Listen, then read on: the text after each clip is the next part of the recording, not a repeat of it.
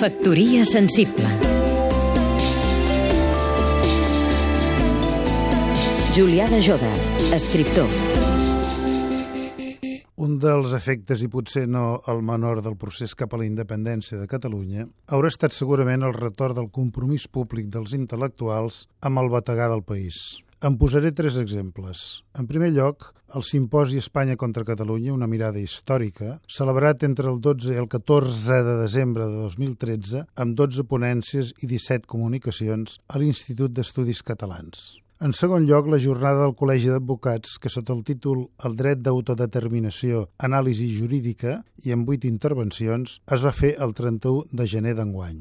I finalment esmentaré el cicle Herois 1714, que té lloc actualment a l'Espai del Born. En aquestes sessions obertes al públic, els distints ponents, entre els quals hi havia gent de la categoria de Josep Fontana, Jordi Maluquer de Motes, Núria Bosch, August Rafanell, Javier Pérez Royo, Boi Ambrés Igar, Carles Viver i Pissunyer o Agustí Alcoberro, ens han permès de lligar història, economia, dret i cultura amb l'actual moment històric, sense cap altre compromís que esclarir el passat i proporcionar eines d'anàlisi sobre el present. La qüestió important és que per damunt de pugnes polítiques, de pressions públiques o de posicionaments ideològics, aquests intel·lectuals han volgut contribuir a la difusió del coneixement reclòs a la universitat per treure'l a la llum i posar-lo al servei del país i de la seva gent. En una paraula, han fet una tasca d'educació pública que tanta falta ens fa.